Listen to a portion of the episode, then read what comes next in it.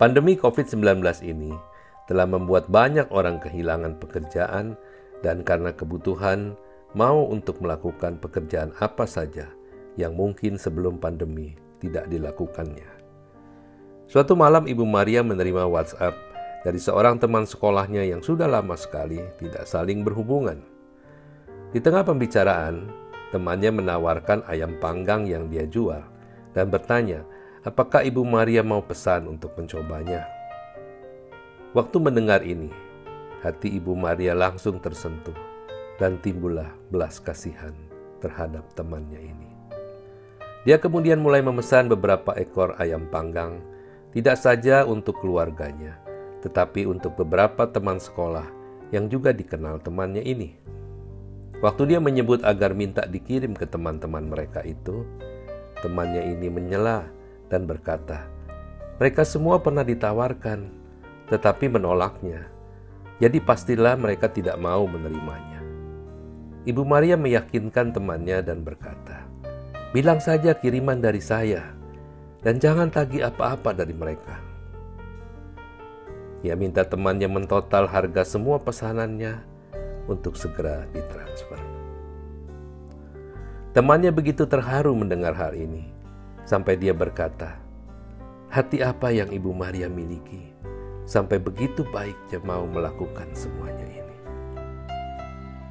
Cerita ini mengingatkan saya pada cerita Tuhan Yesus tentang seorang yang dirampok dan dipukuli penyamun di tempat yang sangat sepi, kemudian ditinggalkan begitu saja setelah semua miliknya dirampas.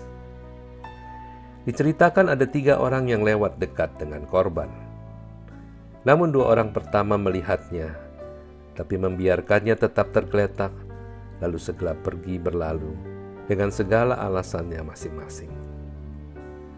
Baru orang ketigalah yang mau menghampiri, menolong, serta merawatnya, walaupun suku mereka berbeda dan saling bermusuhan pada waktu itu. Saudara, apa yang kita bisa pelajari dari kedua kejadian di atas? Sedikitnya kita belajar dua hal yang Tuhan mau kita lakukan. Yang pertama adalah kepekaan. Kepekaan adalah kesanggupan diri bereaksi terhadap keadaan. Pada cerita yang kedua, lebih mudah bagi kita untuk peka dengan keadaan karena jelas melihat penderitaan korban yang berada di depan mata kita. Tapi pada kisah pertama, Ibu Maria memiliki kepekaan lebih daripada orang Samaria itu, karena dia bisa melihat jauh ke dalam keadaan temannya, walaupun temannya tidak menceritakan kesusahannya. Hal kedua adalah belas kasihan. Masih ingat, setiap mujizat yang Tuhan Yesus lakukan di Alkitab selalu dimulai dengan kalimat, "Maka tergeraklah hati Yesus oleh belas kasihan." lalu terjadilah mujizat. Firman Tuhan dalam Matius 5 ayat 7 berkata, Berbahagialah orang yang murah hatinya, karena mereka akan beroleh kemurahan. Ada pepatah berkata, hemat pangkal kaya. Tapi firman Tuhan dalam Amsal 11 ayat 24 berkata, Ada yang menyebar harta, tapi bertambah kaya. Ada yang menghemat secara luar biasa, namun selalu berkekurangan.